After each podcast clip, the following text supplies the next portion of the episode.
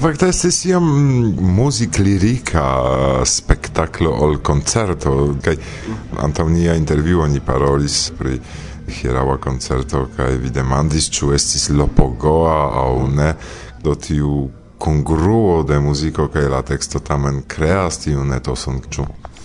Yes, ja estas malsamaj frukto de la sama arbo, sed se oni analizas tiun muzikon, kaj tiun tekstojn mi pensas ke ili estas iom pli malhelaj kaj personaj ekzemple mi havas tekston pri mia lernejo kia mi estis kiel adolesco kaj kien estis vere ne plaĉa sperto eh, kaj do estas pli terapia muziko ol la pri monchanch ema muziko de Lopogo. Kial malhelaj, ĉu vi travivas iun depresion nuntempe?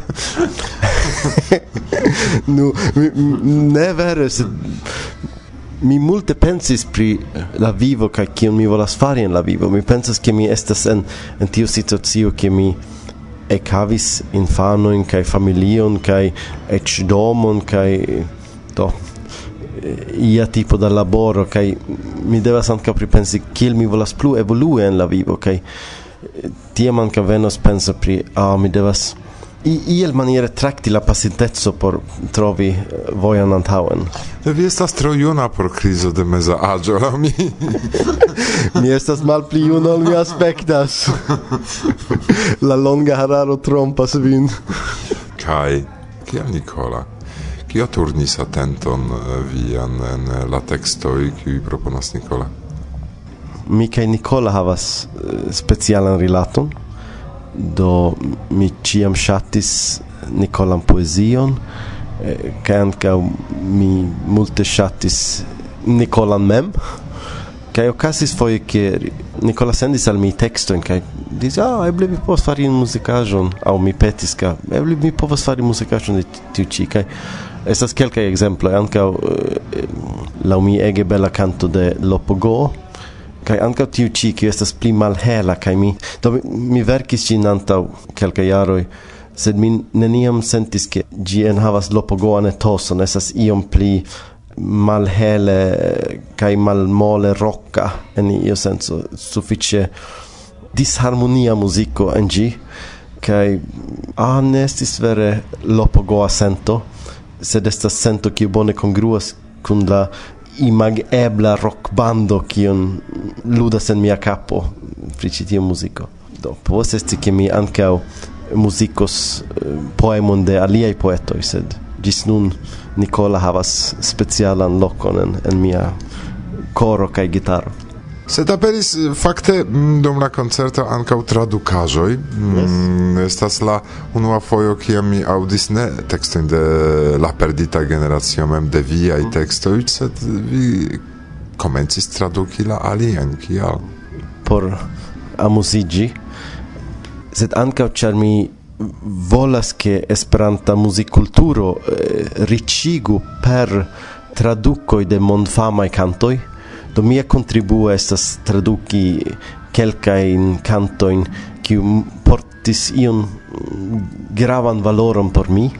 Do mi presentis tri exemplo in hierau do uno estis traduko de Leonard Cohen Chelsea Hotel do Hotelo Chelsea en mia en mia versio kai alia estis eh, Beatles uh, All Across the Universe trans la universo kai la tria estis de Depeche Mode ju la silenton au Enjoy the Silence eh, en origino. Do estas tri exemplo pri canto kiu ricigis min muzike kai lirike do mi volis iel maniere vestigi ilin en esperanta formo do mi vidas mondon en viei oculo, estas ankaŭ tiu canto de Depeche Mode kiun mi ege ŝatas kaj mi atendis ke vi poste tion prezentos sed ne finiĝis koncerto ah jes eble venos pli da tradukoj kion mi kriis tiam La perdita gele. la perdita gele, czar aligis Lena na la concerto. Estis tre interesa kuna ludado, ĉu? Yes, mi fakte ne estis tute sola, ĉar Lena helpis min in tri kantoj.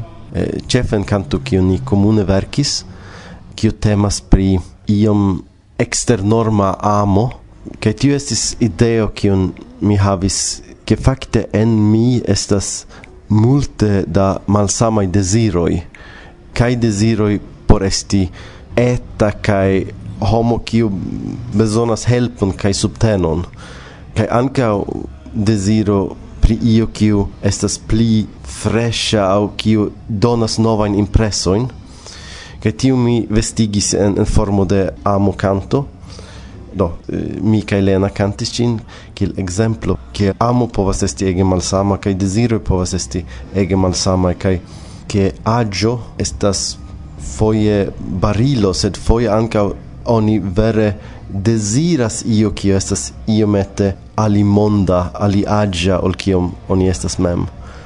kai mi ege gioias pri tiu kun laboro kun Lena estas la unua fojo kiam ni kantas kun sed mi, vere ŝatis tion kaj mi vere ŝatis la manieron kiun ŝi aldonis pli da muzikaĵoj al al iu kiun mi baze verkis mi havas revon ke mi povus prezenti similan programon sed kun orchestro do nirvanezza bando kun elektra gitaro kai elektra basso kai kai drumoi Tomio, dankon pro rencontigio. Eh, eble vi desiras ion ancora messaggi por auscultantoi viei shatanto in la mondo. Bla bla bla. Yes, tio estas bona mesaĝo. En la provizora studio de Varsovia Venten, kiu plu aŭdeblas la fratoj Slezak ĵezumantaj en diskejo, parolis kun vi.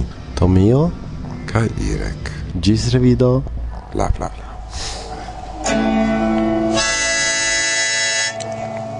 Ehm, do, ni provu. Mi pensas ke la teksto klarigas sin mem.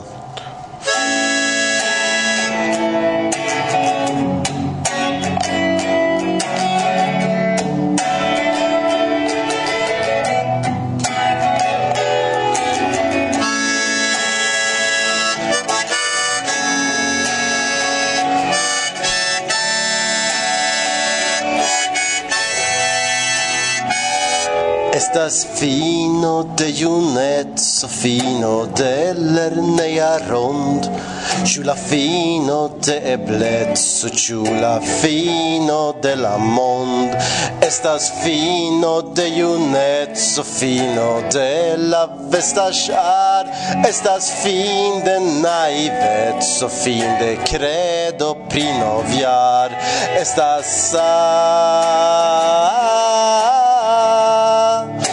estas fino de somero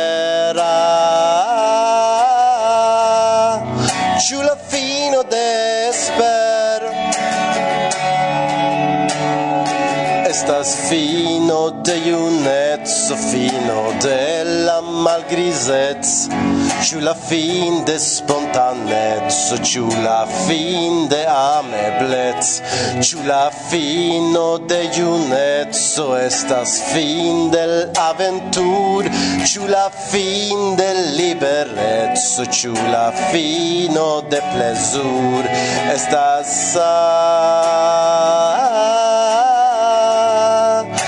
finner det som er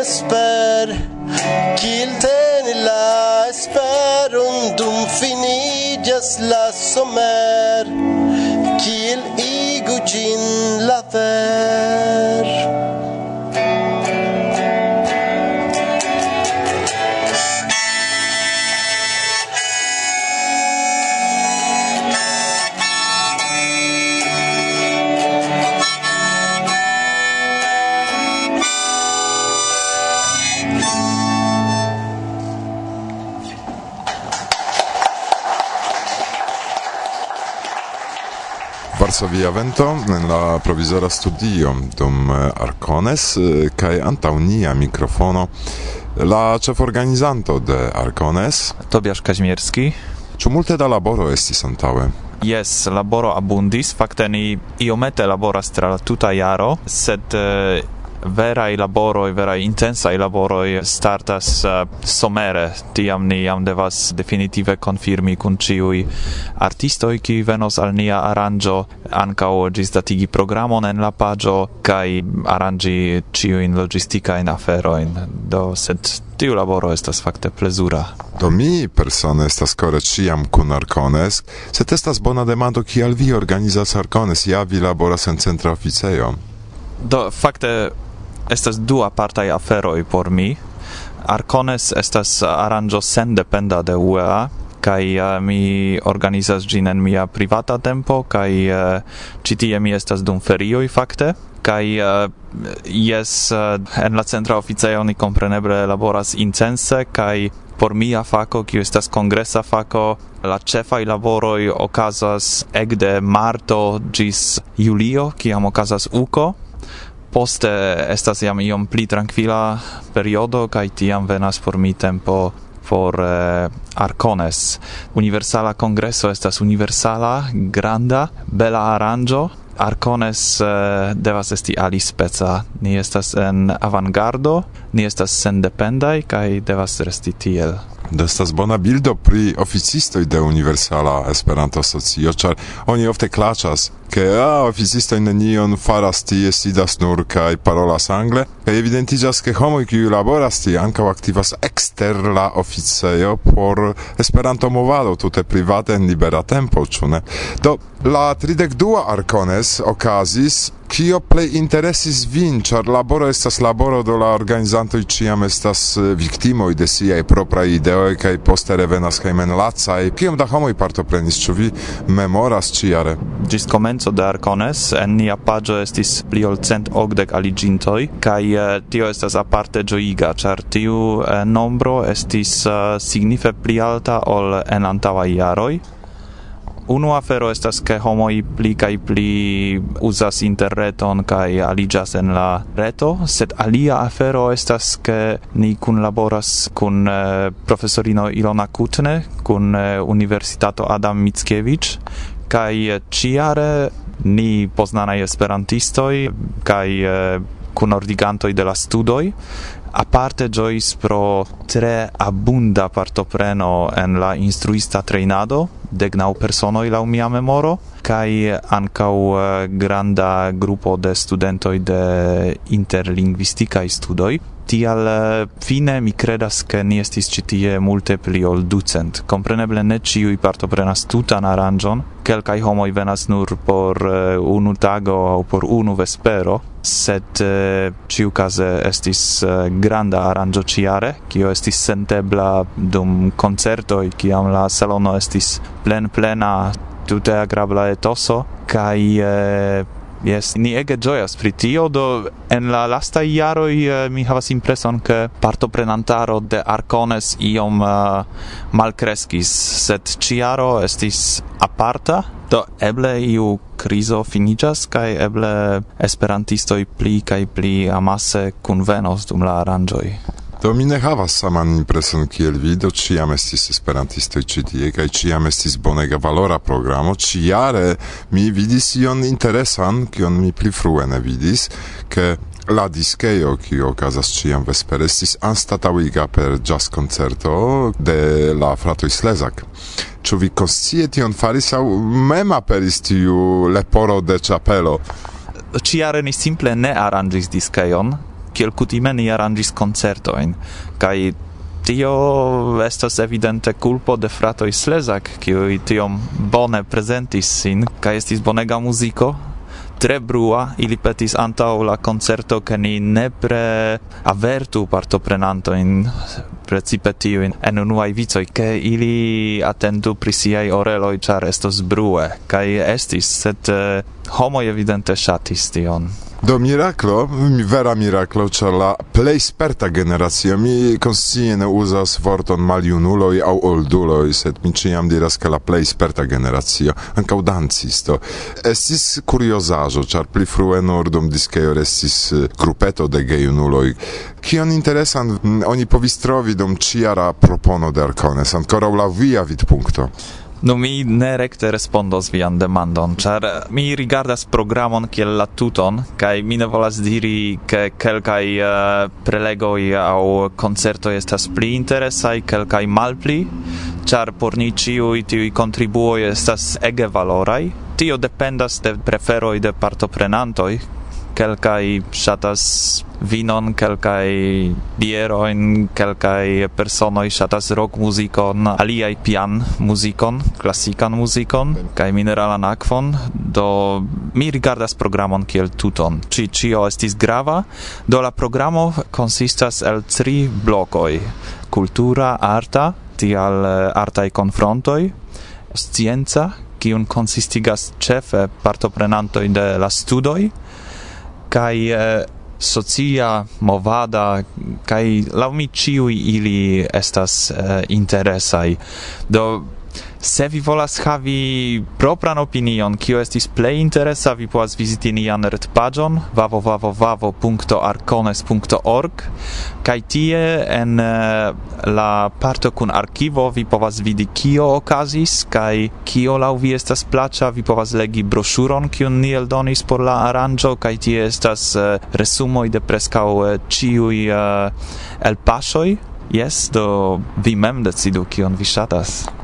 Do nur unu plendon mi havas, char eh, do multa jaroj kiam mi partoprenas Harkones ciam estis tagmanĝo pauzo, kaj ĉiare ĝi regina okazis kaj mi audis, ke kelkaj homoj plendis ke ili deziras partopreni la programeron se ili tamen estas malsataj kion fari kaj rigardis min kaj mi diris do ne nur propano homo vivas tamen eh, estis problemo ču vi ne povis pli paraleligi la programon por eh, ke aperu tiu duhora tagmanĝo pauzo. Do ne estas unua fojo, kiam ne estas tagmanĝ pauzo aŭ lunĉo pauzo, kai ni bedaurinde ne povas pli paraleligi la programon, char ni dependas de logistico de la EO, kai estas nur kelkaj salonoj, kiu estas uzataj dum tuta tempo, kai krome ne ciui ce estas en vendredo vespere au dimanche matene, do la sabato estis uh, plen plena simple kunmeti tiun programon estas granda arto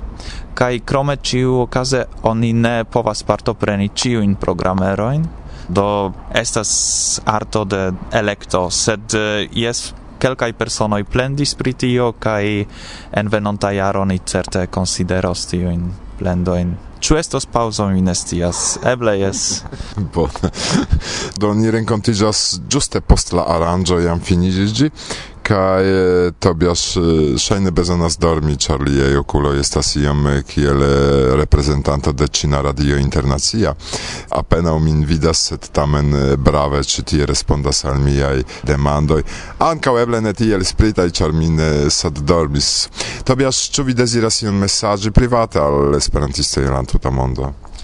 Nu, dankon pro la complimento, cer mi conas kelkain redaktistinojn de la Cina Radio kaj Yes, ilia oculo estas belegai. Uh, ah, Yes, do mi mi dankas al tiu ki partoprenis la aranĝon. Mi esperas ke dank al uh, elsendoj de Varsovia Vento vi povos uh, sekvi kelkajn programerojn havi guston post la aranĝo. Uh, mi kompreneble invitas vin en venonta jaro kai eh, uh, yes ni desiras ke ni ci profitu de Esperanto kai ke nia kulturo disfloru progresu kai uh, ni bona amuziĝu dum eh, Arcones pri Arcones kun tobias parolis Irek Varsovia vento. Bla bla bla.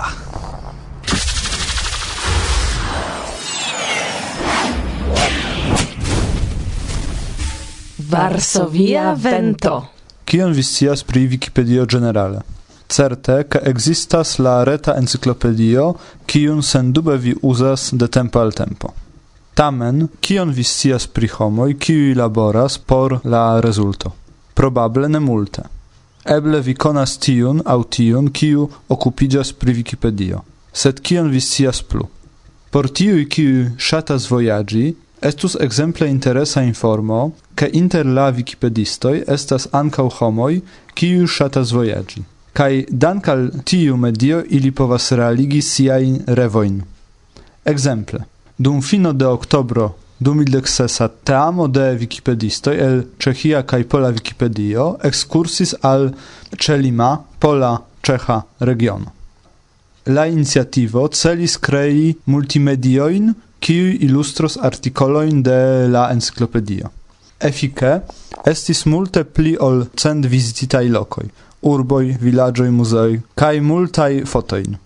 Nun dauras ordigado kaj alŝutado de la akirita materialo. Kiel vi scias, tiu materialoj estos atingeblaj kun libera permeso, kompreneble. Do, vidu la wikipedistoj sidas ne nur antaŭ la ekrano de komputilo, kiel oni ofte pensas. Kaj mi menciis nur pri unu epizodo, el la vivo de la Wikipedistoj, kaj ne unu sola. Pri la aliaj mi rakontos en la venontaj elsendoj.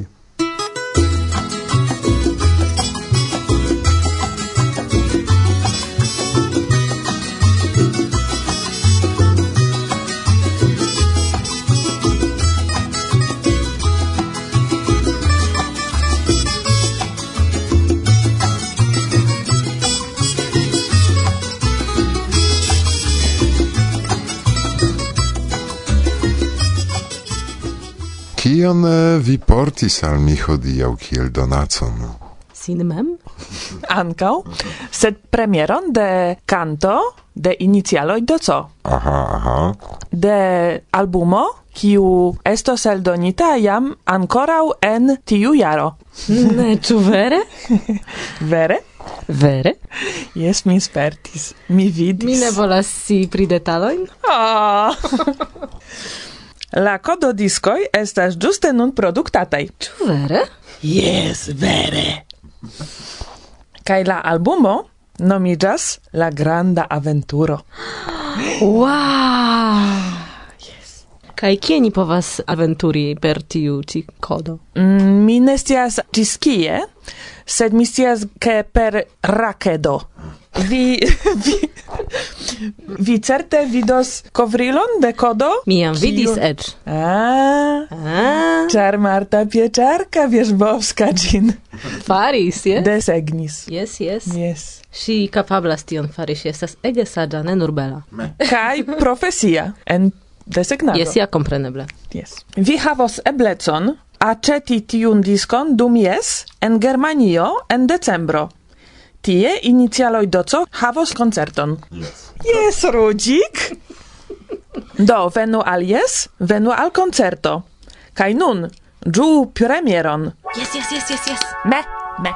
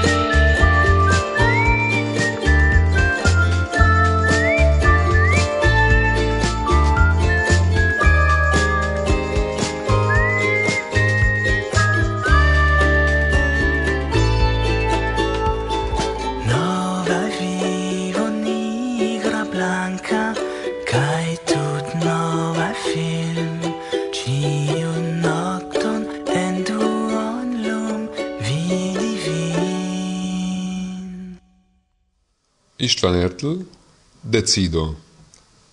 Comence vibris songia estigem, el varmo germis semo, samo, sumo, potens racedis per desir plenumen, cae catapult duopa sen graviton disdonis al gaiontas un triopo. Extiris vim pranova crescos prono, vin volis voris memo sercia prem vi ectriope trovis vim pli sola, sed firmis jam la songia estigem.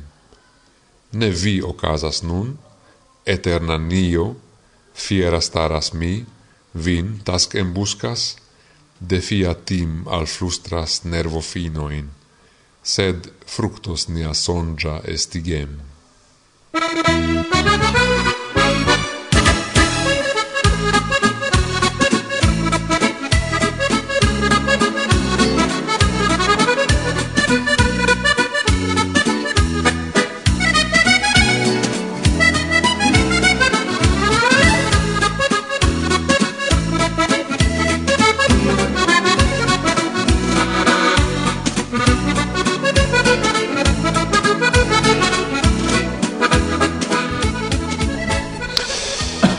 Antau mikrofono de Varsovia Vento sidas Georgo Hanslik, Polo, Elbielsko-Biała. Sasza Pilipowicz, Serbo el Urbo Kragujewec.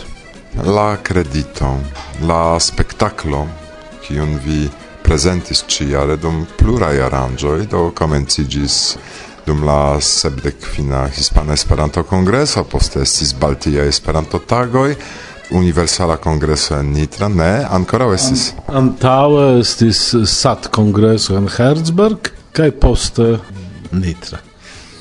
Yes, uh, eh, mi proponis al Georgo, ĉu ni faru ion novan? Mi proponis Malfermilo de franca autoro Victor Lanu, kaj Georgo silentis dek tagoj kaj poste informis min, mi havas novan ideon. Kaj li proponis la credito de Jorge Garcelan, se mi bone prononcas. Jorge. Jorge. Au fakte Jorzi, ĉar li estas kataluno.